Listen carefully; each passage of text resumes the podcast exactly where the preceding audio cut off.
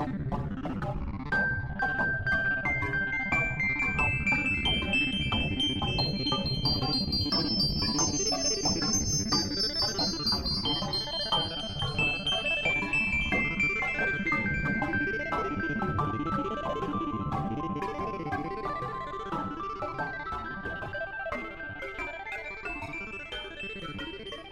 Då ska jag be att säga hej och välkomna till en väldigt speciell podd.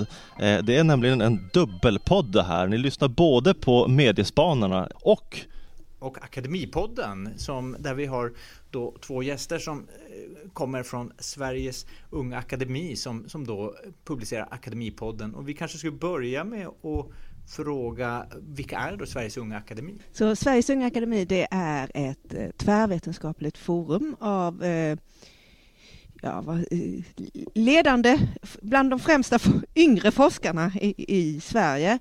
Eh, det är cirka 40 ledamöter. Alla ämnesområden kan vara när, närvarande men inte samtidigt. Och detta kan man säga är ett forum för tvärvetenskapliga diskussioner, diskussioner kring forskningsövergripande frågor, forskningspolitik och så vidare. Och ung betyder inte nödvändigtvis så hemskt ung, utan man är då relativt ung som forskningsledare tio år efter disputation. Just det, så det är ung ur en karriärmässig eh, synpunkt. Ja. Jag tänkte att vi ska, innan vi drar iväg nu, också presentera vilka vi är för eh, eventuella nytillkomna lyssnare på den ena eller andra podcasten. Eh, och jag kan börja med mig då som heter Erik Lindenius och jag jobbar som utbildningsledare vid Umeå universitet och är ansvarig för alla utbildningar vid humanistiska fakulteten och jag har disputerat i medie och kommunikationsvetenskap en gång i tiden. Eh, det börjar vara några år sedan nu. Ja, och jag heter Jesper Enbom och har också disputerat i medie och kommunikationsvetenskap och är då lektor i medie och kommunikationsvetenskap, i närmare bestämt strategisk kommunikation på, här på Umeå universitet. Men vi, framförallt så kanske vi vill att våra, gäst, våra gäster här i, i Mediespanarna, eller eftersom vi är gäster i deras podd, eh, vi ska ändå eh, lämna över ordet och låta dem introducera sig själva. Ja, och då blir det ytterligare en medie och kommunikationsvetare här. Eh, Helena Sandberg heter jag och jag är medieforskare vid Lunds universitet. Och eh, jag är något helt annat. jag heter Emma Sparr och jag är professor i fysikalisk kemi vid Lunds universitet. Det, det är ju lite spridning på er här kan man ju säga då. Mm. Alltså en, en fysikalisk eh, Men, kemist.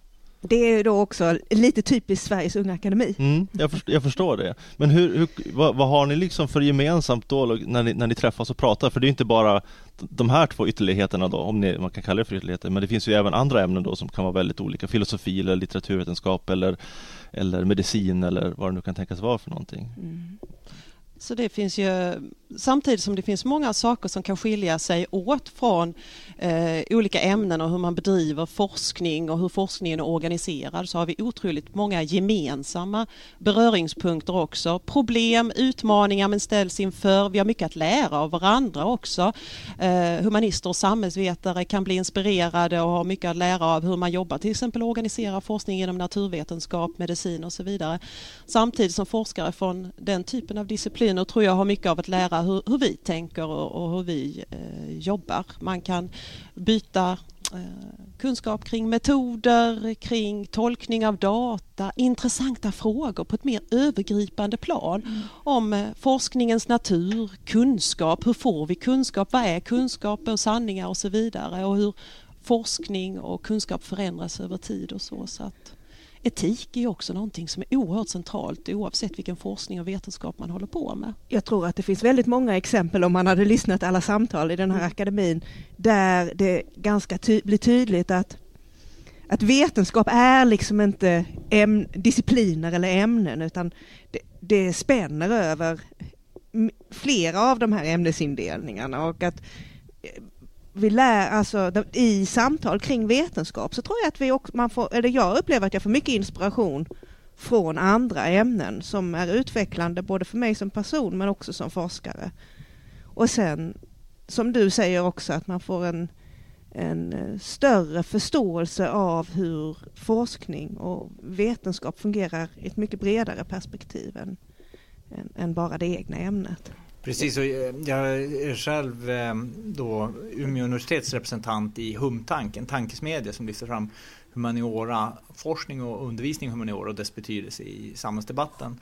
Ehm, och vad, vad, vi har intresserat oss för det är ju också att, att i det här fallet peka på att väldigt mycket av forskning som bedrivs Eh, ja, men till exempel inom, inom naturvetenskap, där finns det också behov av eh, företrädare för humaniora och samhällsvetenskap. Och, och, eh, till exempel nu, nu sitter vi också tre stycken mediekommunikationsvetare och det är ju ett tydligt exempel på, jag var igår och, och lyssnade på Umeå universitet har, har eh, då presenterar då viktig forskning från universitetet på, på Grand Hotel i Stockholm då, den här tiden varje år. Och jag var och lyssnade på det, Kunskapsnoden. Eh, och där var det då bland annat forskare som, som pekade på eh, hur, vad är det som händer nu med sjukdomars ut, utbredning bland annat i samband med klimatförändring. Och, och en sak som kom upp flera gånger var just behovet av kommunikation. Alltså dels att kunna kommunicera ut forskningsresultat till beslutsfattare men också att kommunicera ut till människor. Vad, vad betyder det här också?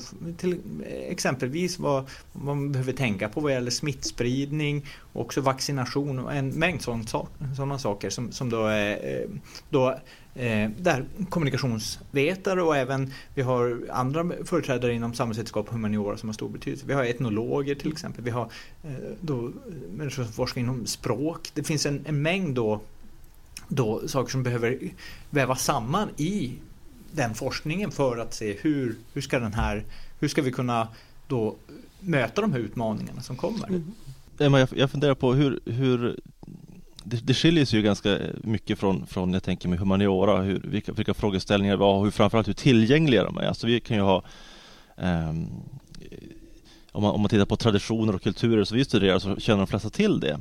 Men du, du forskar inom ett ämne som är lite smalare om man, om man tänker sig från, från hur allmänheten uppfattar mm. den. Ja, nu forskar jag ju på transport över membran, till exempel huden. Och jag tror att nästan alla i allmänheten har en relation till, till huden. huden. Ja, vi hoppas det i alla fall. ja. Ja. Så att det behöver inte vara så smalt, men man får eh, Ja, som jag antar att det är inom era discipliner också, att man när, man, när man förklarar på ett populärt sätt så, så, så får man förhålla sig till, till vad folk har en relation till eh, och använda de begrepp så att säga. Mm. Det delproblem som jag arbetar med som ha, handlar om hud. Mm. Så eh, ja, huden vet vi vad den är. Mm. Den är en, en, bra barriär. Den skyddar oss från eh, vad som finns i vår omgivning och framförallt mot uttorkning. Vi dunstar inte bort. Och, eh, men däremot kan man påverka hur huden, hur pass väl den fungerar som, som barriär genom att eh, exponera den till exempel för fuktig miljö under ett plåster som man ofta tar ett läkemedel under de läkemedel som man tar över huden eller Eh, finns eh, hormonbehandlingar och så vidare, tar man under ett plåster. Vad som händer i en fuktig miljö är att huden ändrar lite i sin liksom, struktur, vilket den gör den mer öppen eller genomträngbar. Och det kan man också göra på andra sätt. Så den här kopplingen mellan hur man förändrar molekylerna i huden, hur de ordnar sig, till vad det får för förändringar i egenskaper, som kan ha praktiska konsekvenser. Precis, och det här är någonting som människor verkligen konkret känner av också. Just i samband med att vi, vi har, ja, men till exempel eh, har ett plåster, har ett sår eller någonting. Mm. Det, det, är ju eh, saker som människor verkligen kan relatera till. Ja, fast samtidigt tänker jag mig att, att vi, särskilt då natur och medicinvetenskaper står inför, livsvetenskaper brukar man väl säga egentligen, då står inför det här Eh, tycker jag då, en ny sorts utmaning där, där jag upplever att eh, allmänheten liksom eh, har en mer skeptisk hållning till vetenskapliga frågor. Jag tänkte på, med, på vaccin då, som Jesper nämnde då, att, att jag upplever att det blir en känsla av bland att, att folk säger att ja, men, jag känner inte riktigt för att jag tror på det här. Eller jag tror att det här är det här är farligt egentligen att, att vaccinera sig till exempel. Vi hade ju diskussionen i, i synnerhet i Storbritannien kring trippelvaccinet som, som mm. pågick för 15 år sedan. Där, där då eh, det fanns då läkare som gick ut och, och sa att det fanns koppling till autism till exempel. Men vi har ju det svenska fallet som är mer aktuellt nu med svininfluensan och eh, den nationella eh, kampanjen att man skulle gå he, vad heter det, folk hem ur huse, nej vad heter det, folk ur huse för att vaccinera sig land och rike runt ja. och eh, det gjorde ju svenska medborgare i stor utsträckning men det fanns ju också komplikationer med det här vaccinet. Men mycket av människors tankar och oro kring vaccinationer och andra hälsofrågor har ju att göra med mediernas representation av de här frågorna eh, och hur man rapporterar om det. Eh. Och där, där är det ju liksom medielogiken som fokuserar eh, kanske snarare på negativa nyheter, eh, oro, risker och så vidare. Och det skapar ju och späder ju på också kanske människors föreställningar om att det här är någonting man bör eh, passa sig för. Precis, och då är vi ju bara då i det svenska samhället, om vi sen då tittar globalt, för det var en eh, diskussion igår när, när jag var på Kunskapsnoden. Det är ju att väldigt mycket av, av forskningen handlar ju också om hur Eh, hur ska vi kunna motverka sjukdomar i södra hemisfären? Alltså där det verkligen där det finns stora problem. Vi har polio, vi har malaria olika typer av sjukdomar som, som då, där, det, där det också finns en, en ibland en skepsis mot vaccinationskampanjerna och det kan dyka upp rykten om att det, det, fin, att det är olika typer av, av eh, att det är illvilliga mm. tankar bakom och det har ju dessutom funnits. Det fanns ju till exempel i jakten på Osama bin Laden så användes ju de här vaccinationsprogrammen mm. mm. just för att spåra upp honom och, och, och, vilket ju underminerade väldigt mycket. Mm. Och, och, det gäller att ha den förståelsen hur, vad händer när, när det kommer då eh, då, i synnerhet då från västvärlden kommer det några och, och säger att det här måste ni göra, det här är viktigt. Alltså det, vad händer i ett samhälle, till exempel i en, i en, i en bergsby i, i Pakistan? Och hur ska förhålla sig till det och kunna kommunicera ut var, varför det här är viktigt. Ja, det är klart, där, där, finns ju mängder med utmaningar i form av eh, kultur, tradition, eh, myter eh, och så. Eh, och man måste ju förstå utifrån varje specifik situation, tänker jag ju, eh, eh, vad det är för förutsättningar som gäller och jobba med, med de utmaningarna. Inte utgå ifrån att alla ska förstå ett budskap på ett och samma sätt. Nej, och, det, det, och när vi var inne på också vad som har hänt i det svenska samhället. Det, det är också intressant just att se eh, sociala mediers betydelse. För det är ju, det går ju att tänka sig att, att här tidigare så, så fanns det ett motstånd mot till exempel då att ta, eh, ja, men, ta vaccin mot, mot mässling det är ju den, det som diskuteras nu. Men, men det, det var enstaka personer som kanske då inte hade något så mycket koppling, en viss koppling kanske i närsamhället med, med någon annan som, som tycker, tycker liknande. Men idag så finns det ju då möjligheten så att säga att, att, ta kontakt med andra som är skeptiska. Och det här är, det här är en styrka för ur en demokratisk synvinkel att grupper som, som tidigare eh, ja, men, eh, minoritetsgrupper och underordnade grupper haft, haft den här möjligheten. Men vad vi ser är ju också att det, att det finns en, eh, ibland ett dilemma kring det här. där vi, vi, har ju också eh, den diskussionen som, som nu har dykt upp kring varför har Eh, man, när vi ser mätningar på attityder till exempel främlingsfientlighet och till och med rasism så, så eh, tyder det mest på att det inte har ökat egentligen i det svenska samhället. Däremot har mobiliseringen av, av den här i, i, i partier och, och rörelser ökat. Mm. Och, och, att just sociala mediers betydelse för, för detta är då intressant att säga att det på något sätt legitimerar vissa ståndpunkter mm. på ett mm. annat sätt. Men alltså det, jag tänker det är lite Eh, Eh, jag läste precis ett, ett, arbete som handlar om det här med ryktesspridning och så just kring hälsofrågor eh, i olika sociala medier där man hade gjort någon form av studie som visade att 60 procent av alla de här påståenden som kom kring olika hälso och ohälsoaspekter var alltså eh, icke bevisade påståenden och alltså var någon sorts rykten. Eh, men det intressanta är då att människor behöver inte tro på att detta är sant eller falskt men kan ändå bli liksom någon sorts mekanism i att sprida de här ryktena och hålla dem vid liv. Och det gör ju liksom på något sätt att uh, who to blame? Ja, vi själva är ju en del i den här virala spridningen och, och, och ser kanske inte alltid det för att det är så lätt att trycka dela, dela, dela. Uh, och att det finns liksom, jag tänker det här med, med ryktesspridning online och så vidare, alltså det finns vi har ju länge, eller eh, vi kanske, men eh, kulturforskare, etnologer och så vidare har ju länge, länge intresserat sig för rykten, sagor och sägner och så vidare som har en, en viktig funktion i vårt samhälle, inte minst när det finns oro, risker och, och osäkerheter. Ja, precis. Och ni naturvetare, eh, diskuterar ni ofta sådana här aspekter? Alltså just eh, ryktesspridning men också eh, alltså mediers betydelse? Ja, men man kan väl säga som, som kemist så finns det, eh, kan man reagera på ibland eh, Kemikalier har ett väldigt eh, dålig klang och man är rädd för konserveringsmedel och man är rädd för olika eh, kemikalier. Eh, och, och det är väl ett annat exempel på sådan ryktesspridning. Och, och det kan man väl säga att ibland kan det vara befogat och ibland är det inte befogat. Och, och, eh, jag menar, utan konserveringsmedel kan ofta vara kanske minst lika farligt. Eh, Medan eh, så, så, så vilka har ansvar då? Ja, det finns e-, en del i det här med att sprida rykten, men de forskarna som kanske då möjligtvis har en mer initierad eh, kunskap om, om det här eh, kanske inte i någon mån tar sitt ansvar att förmedla det. Mm. Och medierna kanske inte heller eh, eh, Intresserade av att släppa fram. Därför att det kanske inte är intressant ur någon slags medial hänseende. Mm. Eller det, det kan vara någon som skriker högt som inte har så mycket på fötterna. Det finns många som har mycket på fötterna men som inte har så intressant att säga att det då blir en obalans däremellan.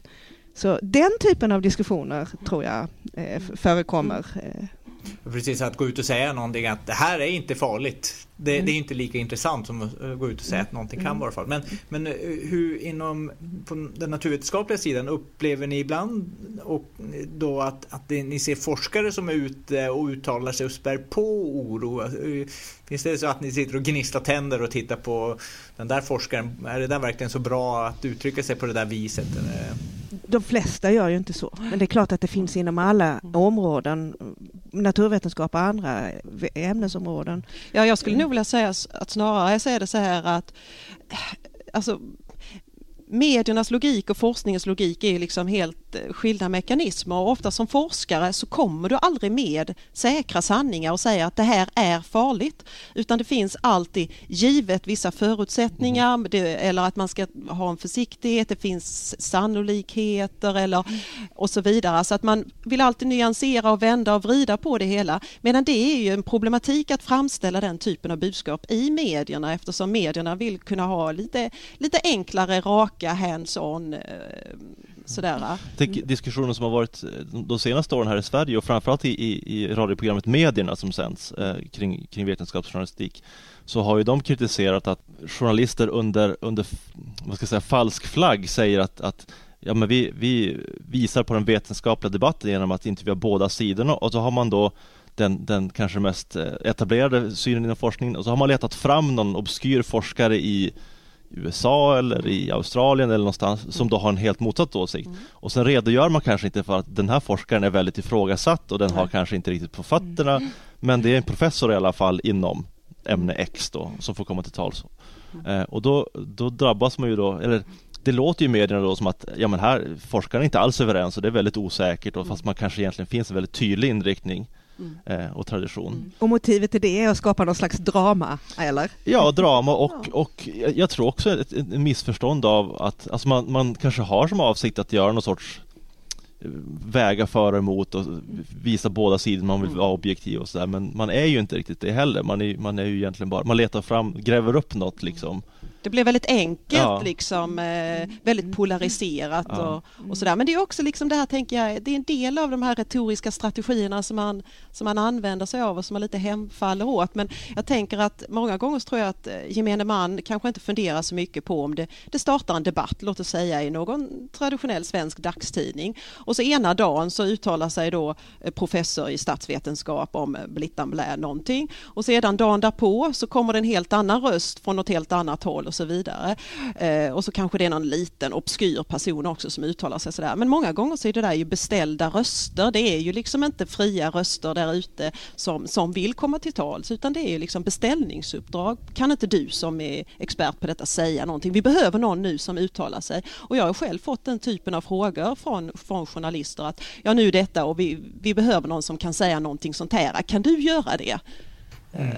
Absolut, och det, det där är ju ett, ett det finns ju en- onekligen då ett, ett dilemma i att, att eh, journalistiken bygger ju just på att, att jag menar, det finns en, en ja, men det är någonting centralt i medielogiken att väcka intresse mm. hos, hos eh, lyssnare, eh, läsare, tittare. Men, men det är ju också, det, och det där är ju vanskligt, det gäller ju att veta hur, hur du uttrycker dig. För det finns ju en risk att, att, du, att du så att säga bidrar till det där i allt för stor utsträckning. Mm.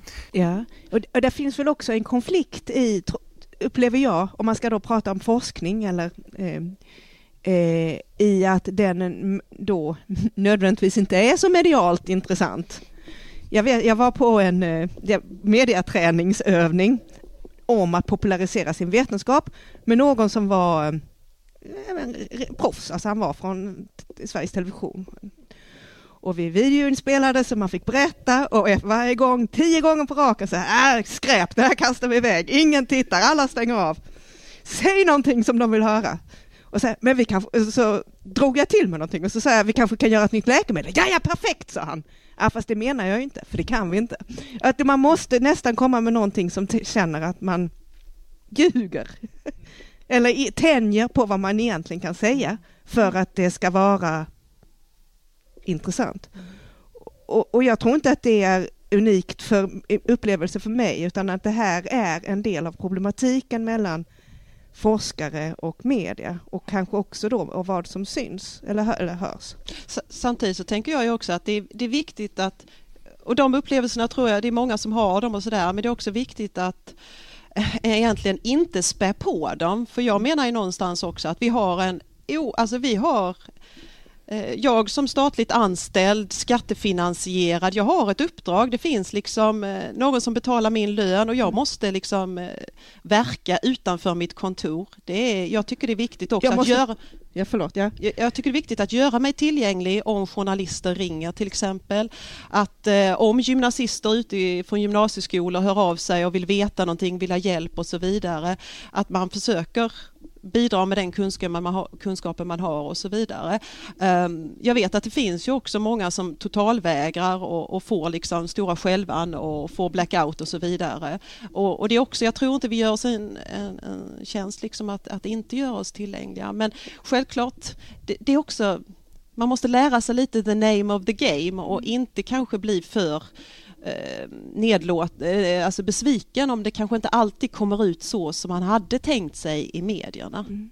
Jag måste förtydliga, jag, sa, jag gjorde inte det här med att jag gör. Ja, ja, nej, nej, nej, nej, jag förstår, det var en träning.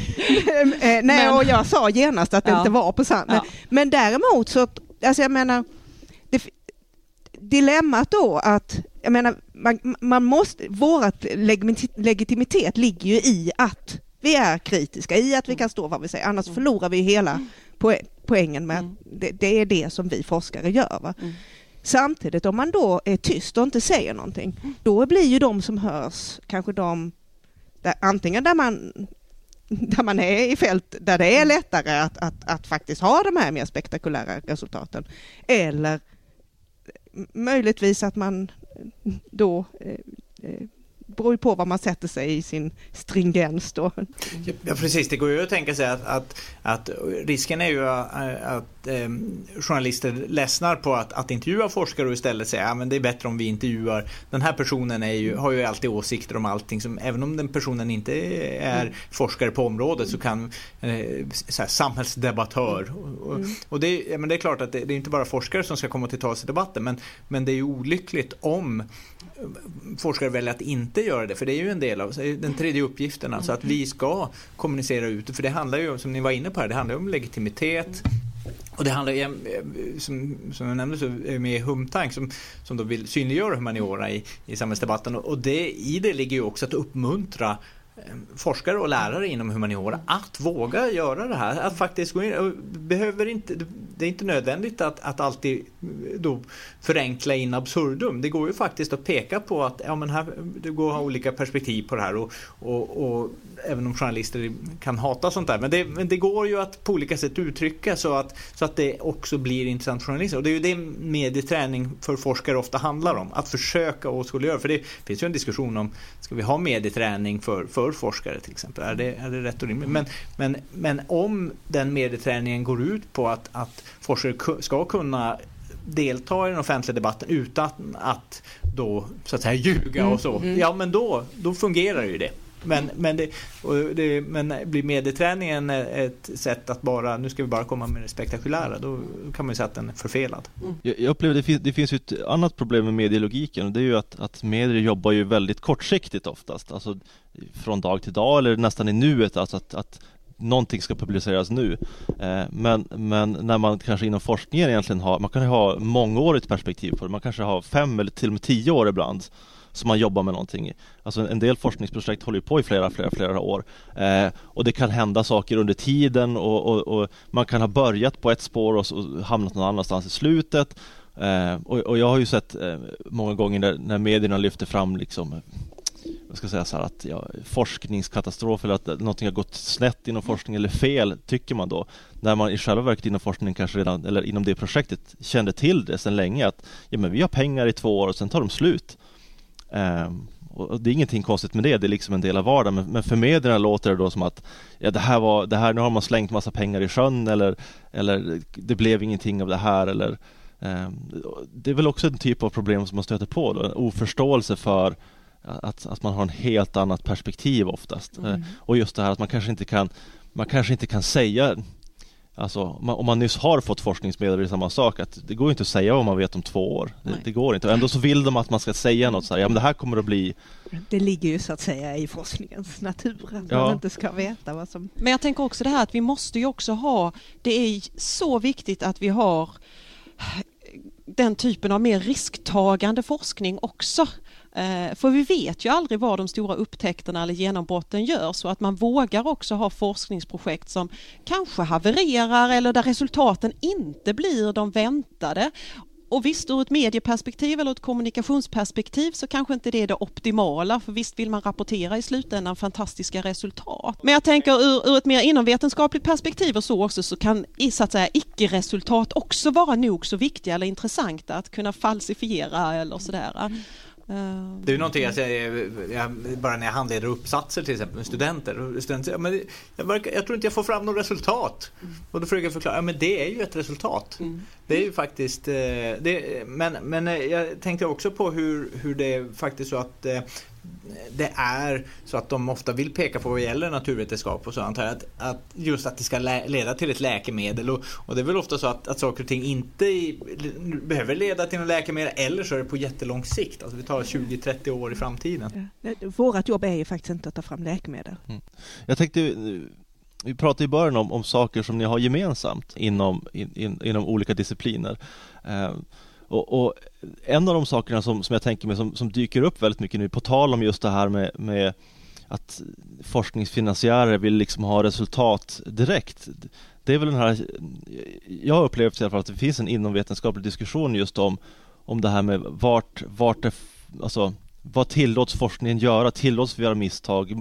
Ska vi bara vara liksom spjutspetsforskning? Var, var det Jan Björklund som gick ut för några år sedan och sa att vi ska ha fler nobelpristagare inom och att det är så vi ska mäta forskningens framsteg i ja. Sverige. Mm. Hur, är, är det här ett problem som ni har upplevt eh, ökat på sistone eller en typ av diskussion eller diskurs som finns i medier och även inom vetenskapligt eller hur? In, inom vetenskapligt, när jag tänker på mitt eget ämne så vet jag inte om vi pratar i de termerna direkt. Det här med, men eh, visst är det så någonstans att du måste nästan redan ha resultaten för att kunna söka eh, och få pengarna på något sätt. Um, och med, men när det gäller forskningens relevans och impact så är det någonting som vi pratar och som är ett aktuellt ämne för oss och som vi förhoppningsvis också kommer att kanske ha något seminarium kring i, i framtiden för att det är viktigt för oss och det är, det är också viktigt att problematisera och fundera kring vad är det här med impact egentligen och ur vems perspektiv ska vi bedöma den här relevansen. Ehm, och där finns flera olika åsikter tror jag om vad som är viktigt och vad som är relevant forskning och var den gör bäst nytta och så. Så jag uppfattade delar av din fråga handlar kring den här vad man skulle kunna kalla excellensdiskussionen mm. då, att vi ska ha fler Nobelpris eller vi ska ha fler, svenska universitet ska bli som Stanford och, och så. Va? Mm. Ja. Man får ju dock minnas att i USA så finns det andra universitet som inte är lika framstående och de samexisterar.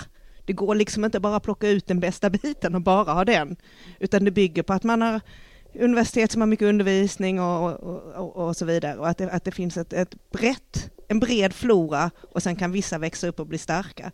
Så det är lite farligt att bara tro att man ska plocka ut det starka och strunta i resten. För då finns det liksom ingen växtmån. Nej, men är det en myt som håller på att odlas då inom... Jag tror det, det politiskt är det ju, uppfattar jag det så. I forskningssamhället så, så ser man ju detta problemet, men, men, men, men den så att säga, politiska trenden är väl att man ska satsa på excellens och, och, och, och då finns den här faran, tror jag. Ja precis, och det, vi, vi pratade om det igår också eh, efter det här eh, seminariet jag var på att, att det finns ju också en, en tendens att, att, att, det kommer fram framstående forskare, jag menar, i synnerhet inom naturvetenskap och, och att de sen då plötsligt erbjuds mycket, enorma kontrakt kanske Max Planck till exempel kommer att säga att du får 22 stycken som arbetar under dig om du kommer till oss. Alltså att det, det finns alltså resurser som erbjuds som där det inte går att bjuda emot i princip. Alltså även om vi skulle samla resurserna då vi i Sverige och säga ja men okej nu ska vi satsa på excellens här så kommer det alltid finnas, ja vi har, vi nämnde Stanford och så vidare, där, där det finns sådana enorma resurser och, och, där det är svårt helt enkelt att, att göra någonting. Det, eh, vi diskuterar i en, en form av fotbollsmetafor att det finns de här superklubbar som Real Madrid som kommer och plockar upp de allra främsta och att, att det handlar också om på något sätt talangutveckling för, för, och att, att, jobba med det. Vilket ju, och det är ju, det är ju jätte, det är ju otroligt, det är ju spännande men det är ju svårt också. Mm, men det, vad som är viktigt är väl att det, ja, excellens är viktigt men det ska på något sätt måste samexistera med en bredare flora där det kan växa upp nytt som kan bli excellent. Va? Och det är inte lätt att förutsäga vad det är, så att man kan inte bara satsa på excellensen. Mm. Nej, för det finns ju en tendens att ibland när det har satsats på excellens, då är det en person som kanske är ganska mätt, så att säga, som, mm. som kommer då att rekryteras. Så att. Mm. Mm. Unga, hungriga forskare, det är väl det Sveriges Unga Akademi ska företräda då, eller?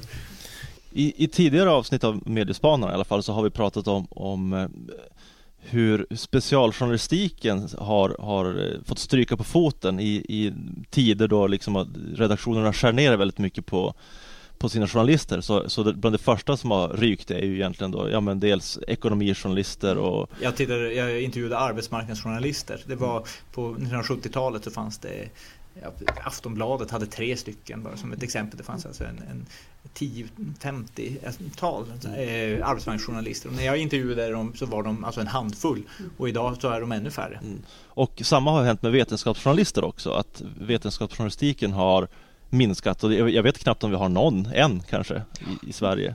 Karin Boys brukar väl alltid...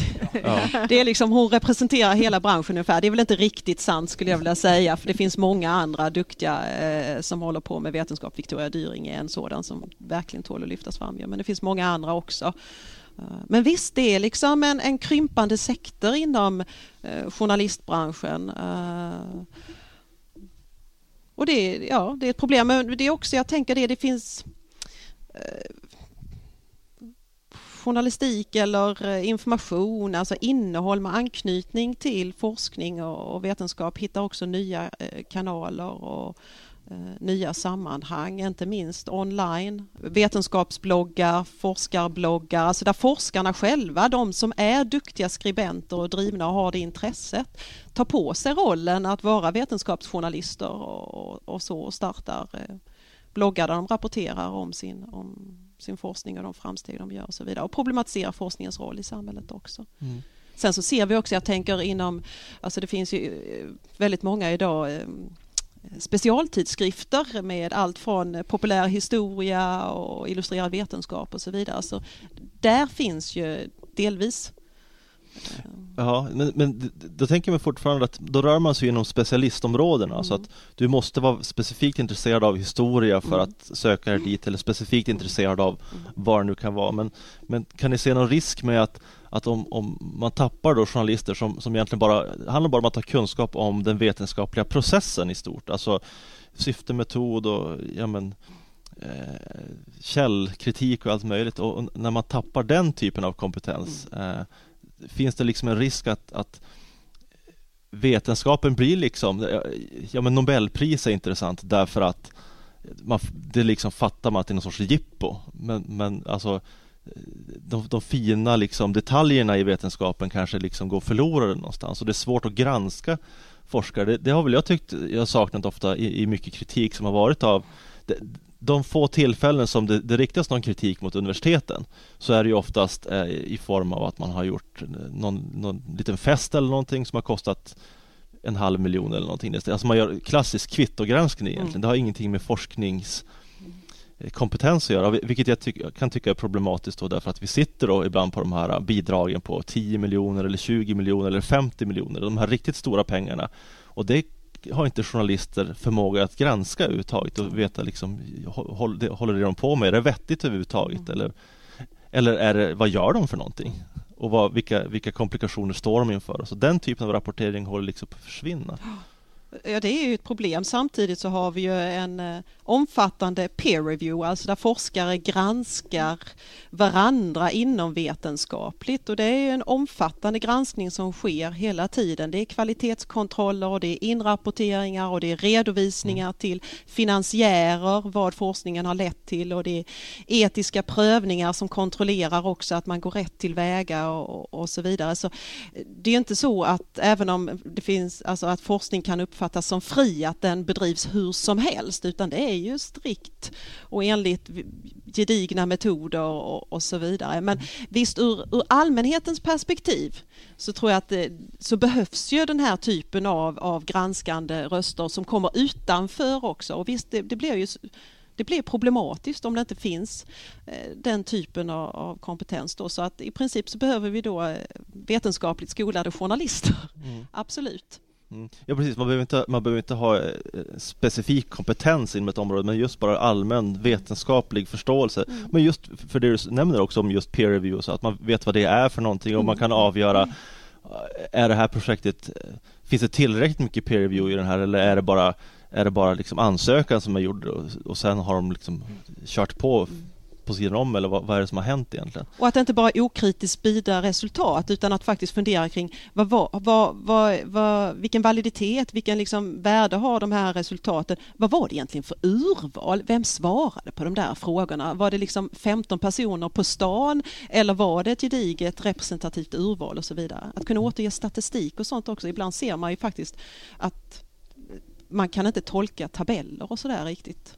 Nej. Och då blir man lite bekymrad och då får ju rykten och felaktiga nyheter spridning. För jag tänker att det gäller även åt andra hållet, alltså en förståelse för att det här projektet är verkligen speciellt, eller det här händer, alltså här gör de någonting otroligt fast man kanske inte ser det på ytan eller man, man förstår att här gör man grundforskning som är jätteviktig och ja, att den förståelsen kanske också tappas någonstans på vägen. Men, ja, nej, men absolut, och det, jag, jag, tycker att det är fascinerande med, alltså, när vi diskuterar just det, hur, hur det har blivit vanligt att använda statistik också.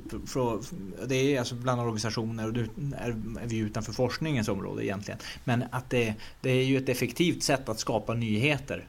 Att peka på, ja men det här och det här säger. Och då gäller det verkligen att, att det tycker jag, och det ska egentligen ingå och det gör väl ofta det på journalistutbildningen men det är kanske andra anledningar att det ändå kommer fram nyheter som bygger på tveksamma statistiska underlag. Men till exempel tidspress för journalister. Mm. Det kan vara sådana saker som att det här det, det, en, det blir en intressant nyhet mm. av det. Alltså, vi, då närmar vi oss det här som har diskuterats mycket kring klickjournalistik mm. om, om, att det finns ett dilemma i, i detta. Mm. Eh, men, men det borde definitivt vara så att det finns en mer av, av en kritisk granskande journalistik på det här området och det gäller ju även då vetenskapen.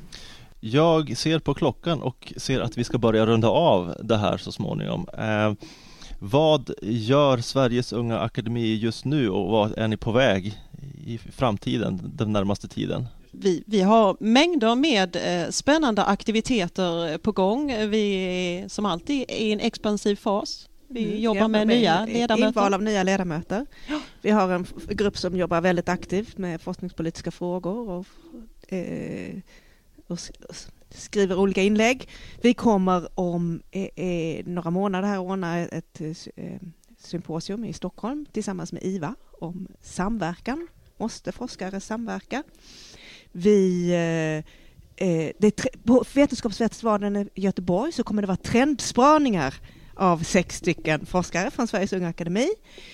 I sommar så är det ett forskarmöte för gymnasieungdomar typiskt årskurs två i Fiskebäckskil. Vi kallar det forskarmöten. Vi har ledamöter från akademin tillsammans med 20 gymnasieungdomar. Mm. Och är förhoppningen där att de ska intressera sig för en karriär då inom forskningen, de här ungdomarna? Ja. Vi har gjort detta två gånger förut, båda Ja, vi har varit med. Eh, ja, det är, ja, att få dem intresserade eh, av, framförallt tror jag att, att också vidga deras syn på forskning. Alltså på något sätt så tycks den här mm, bilden av vad en forskare är vara en man, gärna med skägg, glasögon, labbrock som står lite med provrör. Eh, medan vi vill ju självklart visa upp då att det framförallt finns mängder med kvinnor som håller på också med forskning men också att man kan göra det inom alla möjliga områden. Från organisationsforskning, psykologi, konstnärlig forskning till medicin, natur och, robotteknik och så vidare. Att verkligen visa upp bredden och att stimulera de här unga att eh, både pröva nya vägar och, och, och, så att säga uppmuntra dem till att söka ny kunskap själva men också att de ska självklart få upp ögonen för vad innebär det, vad sysslar man med och så. Mm. Precis, det är ju lite typiskt att eh, Arla gjorde en, en kampanj angående forskning och då var det på bilden så, så var det då en, en så forskningsmiljö med kolv och labbrock. Mm. Men det var en kvinna i alla fall. Så ja. det, det, var, det var ju positivt. Ja. Men problemet var ju just, där försvinner ju direkt eh, samhällsvetenskap och humaniora. Ja. Och, och, men på de här forskarmötena är inte upp, tanken att man då specifikt fungerar på olika vet, alltså ämnen, ämneskunskap, utan det kallas forskarmöten. Och innan hade de här eleverna då en del skrivit frågor som de hade skickat in, som kunde vara, alltså vad gör man om, om, om man kommer på att någonting är, är fel eller Finns det en metod som är den bästa? Ja. Och hur väljer man vilka problem man arbetar med? Och så Finns vidare? det frågor som man inte bör ställa? Det är ganska komplicerade frågor att ja. svara Absolut, på. de är mycket begåvade de ja. Smarta. Så, och, då, och sen har man då samtal med dem i, i, mindre grupper och då kan det röra de här frågorna och sen utnyttjar de ju då lärarens specialkompetens inom i mitt fall då kemi och så pratar vi lite sådant men mycket mer allmänt och sen går, har man då möten med många forskare. Det har varit jättelyckat. Och de unga kommer från hela landet. Mm. Så det hoppas vi att vi får många sökande även till nästa sommar då. Just det. Eh, och eh, ni som lyssnar på det här och är intresserade av att veta mer så kan ni gå in på då eh, sverigesungaakademi.se och eh, klicka er omkring där, det står ganska mycket olika saker och man kan säkert, säkert eh, få e-postadresser och sånt också till kontaktuppgifter till dem man vill ha veta mer av eh, och är man gymnasielärare och intresserad av det ni pratar om nu så kanske det är någonting att... Mm, det finns information om de här forskarmötena också mm. på hemsidan. Och vill man komma i kontakt med oss på Mediespanarna då hashtaggar man som vanligt eh, Mediespanarna på Twitter eller skickar direkt till mig på @lindenius. Eller till mig på @jasperenb. Det här har ju alltså varit en crossover mellan Akademipodden som då ges ut av Sveriges Unga Akademi och Mediespanarna. Så att det är ju någonting nytt för oss bägge, får man säga, bägge podcasts här. Ett, ett snabbt möte här innan vi, våra vägar återigen skiljs åt. Mm. Tack så mycket för att ni har lyssnat och på återhörande.